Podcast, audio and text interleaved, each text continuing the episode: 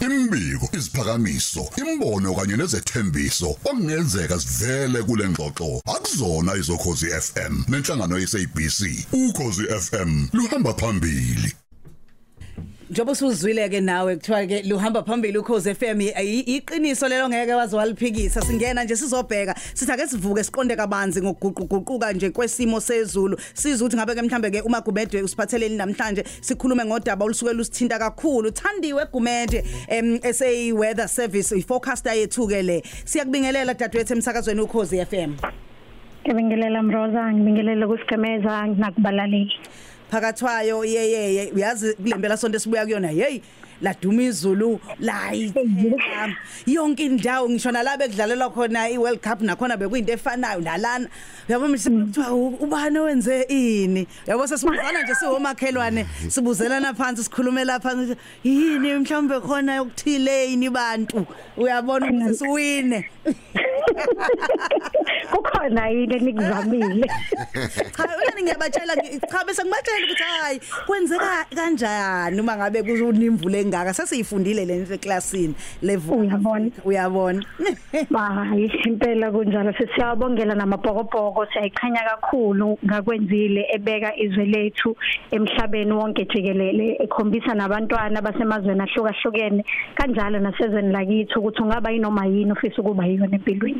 Kodwa ke bese liyakhithika kwezinye indawo bese siyabuza ukuthi hayibo kwenzeka kanjani ukuthi likhithike? Yini lesuke yenza ukuthi kube sesithi likhithikile? Siyasibona kakhulukazi ko Drakensberg ko Moy River eh eindaweni kanjalo ko Pietermaritzburg eh umgungundlovu ubona ukuthi hayibo nakho ungathi kuneqhwa lapha nalapha kusekwenze njani? Mhlawumbe ukusichazele nje lenziwa yini ukukhithika kwezulu? Ngiyabonga Mroza. Eh ukukhithika kwezulu nje Mroza kudinga izinto ezimbili kuphela ukuthi kwenzeke.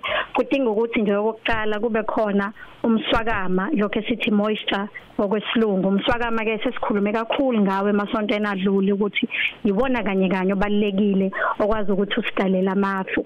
Okwesibili okudingakalayo kudingeka ukuthi kube khona eh, amazinga okushisa aphansi noma ehlile kakhulu kusho ukuthi ngamanye amazwi kumele ukuthi kubande kakhulu amazinga ethu okushisa acisha yofinyelela lapha ya ko 0 degrees Celsius.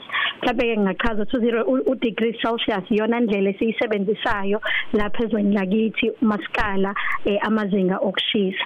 Mase kukhona lezo zinto ke mroza zombili. Kubalula ukuthi ukukhithika kube khona eh ngezizathu sokuthi moisture siyazi ukuthi ibaluleke ekuthenini umoya ofudumele osuke unale moisture phakathi unyukela phezulu esibhakabhakeni ufike lapho sithi khona condensation level condensation level ilapho ekwakheka khona ifu. Malakheka lefu mroza sithe kumele kubande kakhulu eh ngendlela yokuthi amazinga ethokushisa afinyelela lapha ko 0 degrees makubanda ngaleyo ndlela lithi ifu maliqala lakheka angabi khona amaconsi amanzi phakathi kulefu. Kodwa jike lomswakama noma ujika lomswakama esikhuluma ngawo ube amaqhwa amancanyana noma ibe yinhlayiya ezu ice ezincanyana wakheka kanjani ke lezi inhlayiya za ice zakheka ngendlela yokuthi zifuna ukubambelela noma zakhele ezintweni ezithize siyazi ukuthi esibhakabhakeni kuba khona izinto ezinjenge dust kuba khona izinto njengenhlabathi noma isihlabathi esisuke ngesintanta okuncane kakhulu lamaqhwa ethu ke akhela lapho kulezo zinto alokho ekhula ekhula ngokosayizi. Siyazi ukuthi lapha ngaphakathi efwini kuphinde kube khona nemoya ekwazi ukuthi lezi zinto ezintantayo ngenxa yokuthi eh, ayinaso isisindo esitheni. Yenza ukuthi lezi zinto ziphinde ikwazi ukuthi zishayisane zishayane zihlangane zikhule ngokosayizi. Mayikhula ke mroza kudinga ukuthi zize ikhule zibe usayizi omkhulu. Eh zifika lapho khona ukuthi asakwazi ukuthi ziyintantele zona emoyeni ngoba siyakhumbula ukuthi akuwona umswakama kuphela kodwa umswakama wakhele entweni ethize biveli kade ikhona. Lapho ke suke sesibona khona sekwehla lo ayisi omhlophe ngathi uyaphephezela osayizi omncane wehlela lapha kuthina emhlabeni. Lokho esithi thina ke ukukhithika. Lokukhithika ke into eyenza ukuthi kungancibiliki ukuthi kuba amanzi ngoba bese sichazile ukuthi amazinga ethu okushisa asuke phansi vele nawo kusuke kubanda eindaweni eziningi kusho ukuthi malehla le leqhwa lethu noma mawuphephezela wehla lo ice wethu awusitholi isikhathi ukuthi uncibilike ube amaconsi amanzi. Esikhathini esiningi ke eindaweni eziphakeme njengazo indawo ubusuke wayibala ezakhilene nezintaba zokhahlamba lo ice ukulale khona eh uyindlale khona kube ngathi kwenza okusa blanket omhlophe ubuke kumhlophe engathi ngubo yokulala emhlophe. Singasho nanokuthi ke Mroza mhlawumbe umlalela ngayibuza ukuthi sikhuluma la ngokukhithika singakudidanisi ukukhithika nesichotho ngoba ngempela sonto zibe khona indawo ezithole isichotho zosayizi omncane. Kodwa la umehluko phakathi kokukhithika nesichotho uba sekuthenini isichotho ngaso sonke isikhathi sifuna ukuthi kube khona lefu elidumayo. Isichotho lifuna ukuthi sifuna ukuhambisana nokuduma thizeni ilapho khona sisuke sinemoya enamandla amakhulu edudulela amaconsi ethu phezulu efwini mase kwakheka lawo maqhwa ehlayo. Kodwa eh ukukhithika akudingi ukuthi kuze kube yifu eliphakeme akudingi ukuthi kuze kube yifu elikhulu kakhulu noma ifu elibanzi. Lidinga nje kuphela ukuthi amazinga ethu okushisa mayehle ngokwanele acishe ukuyothinta lapha yako 0 degrees nalomswakama nawo ukhona lekho esikhuluma ngalo elusayizo omncane eliphephezelayo lizoba khona.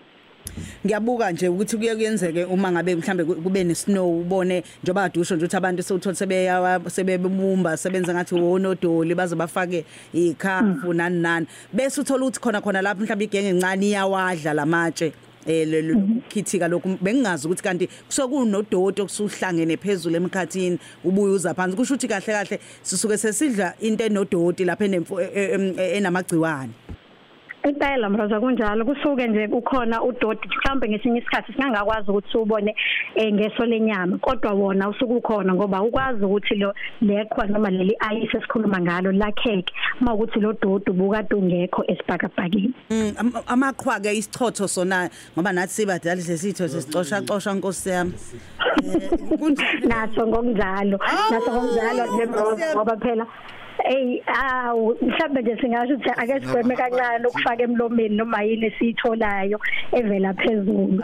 Eh ngoba naso ngokunjalo kuyenzeka ukuthi sibe nabo labo doti abancanyana mhlawumbe singangababona kahleshe kodwa basuke bekhona phakathi. Awu singabahambayo thina sigomeza kodwa kodwa ngcono sigomeza sinekhaya izulu eh singabahambayo singabahamba hayi kulomhla awu imloyo gijima yodla. Awu bakwethu. hayi kodwa ukuthi asikumele sidle yonke into. Mm, mhlambe bese siya ngasemaphethelweni ngiyafisa ukubheka ukuthi em bukhona umngozi obukhona ngale kwalokho kade kusho kokuba udoti?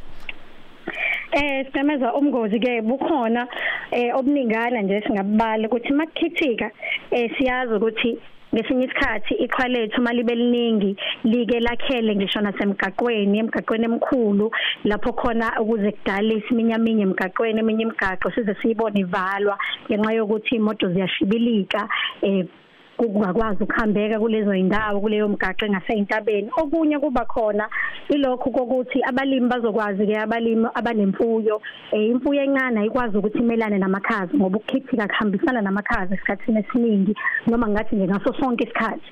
Kuhambisana namakhaza. So imfuyo ayikwazi ukuthi ihlale izinsuku eziningi noma kuyela kumaviki kulawo makhaza njalo. Igcina ngesinye isikhathi ishilahlekelwe umphefumulo yayo. Kanjalo nathi bantu amakhaza asikwazi ukuthi siwabekezelelele. Kakhulukazi abantu siyazi ukuthi akuyena wonke umuntu onekhaya. Bakhona nabantu abangenawo amakhaya abahlala emgaqweni abangakwazi ukuthi angeke bakwazi ukuthi bawabekezelele namakhaza mayisefikile eh mawukuthi ahambisana naloku kukhithika esikhuluma ngakho. Mase kuthi okunye futhi sigameza sikubona kwanda kuqhubeka kwanda kakhulu kuba sekuthenini makukhithikile ngenxa yokuthi kuyabanda. Thina abantu sike sibase izimbawula. Imbawula ke zithola ukuthi zisalela umngozi ekuthenini mhlawumbe ngesinye isikhathi siyazumeka eh ilayithiwe noma ikhanya lembawula okwesibili kodwa esikubona kuya ngokuya kwanda ukuthi intuthu evela kulemlilo esizama ukuthi siyibase eh mazizama ukuthi sifudumeze igcina isichila mhlawumbe sezizumekile sithole ukuthi abantu abaningi sebelahlekelwa imphefumulo yabo Okay, Khosi FM asivale ethandebe nxa isikhathi. But ngiyafisa ukuthi mhlambe ku tip of the day ke sibheke ngengezwe kancane ukuthi khona ixwayiso eninazo. Oh, ingane zethu ziyabhala kubo lo mnyama futhi. Hawu siyami sinazo ixwayiso impela namuhla. Sinesixwayiso sakho ukukhithika endaweni engasentshonalanga yesifundazwe saKwaZulu Natal. Lapho khona mhlawumbe masingayibeka ngokwamadolobha sibala amadolobha njengo Underberg koKokstad kunyukela lapha ko Giants Castle ko Bigville size sifinyelele endaweni engasenyakatho njengako Newcastle ngaphezulu kwalokho lezo indawo silindele ukuthi zibande kakhulu osukwini lanamuhla njengoba amazinga abo okushisa azobe ehlile kakhulu. Lesi simo sokubanda sigcemeza sizoqhubekela naso sukwini lakusasa. Kodwa ukukhithika kuzokwenzeka osukwini lanamuhla kuphela okungenzeka ukuthi futhi kuphazamise ukuhamba kweimoto emgaqweni. iTP yethu ke eh isukela lapha ekuthenini siyacela ukuthi abafundi noma bebhala abanye baqikelele ukuthi bafake izinto ezifudumele bayazifudumeza bazobe befunda mhlawumbe ekhathini zantambama baqikelele ukuthi bafunde endaweni ezifudumele. Abalimi abanemfuyo baphephisa imfuyo yabo bazama ukuyibeka endaweni lapho ezofudumala khona nabazobe besemgaqweni kanjalo sibala lapho imigaqo emikhulu njengo N3 lapha yako Van Wienen eh njalo njalo ko Harry Smith. Baqikelele ukuthi nabo bayaphepha baziphi isikhathi esanele sokuhamba futhi baqhelelane ngokwebanga balandelana ngalo. Yabonga. Sibonga kakhulu isikhathi sakho kokhozi. thank you nibe nosuku oluhle. Thandiwe kumathi makumate ke uyiforecasta kwi South African Weather Services.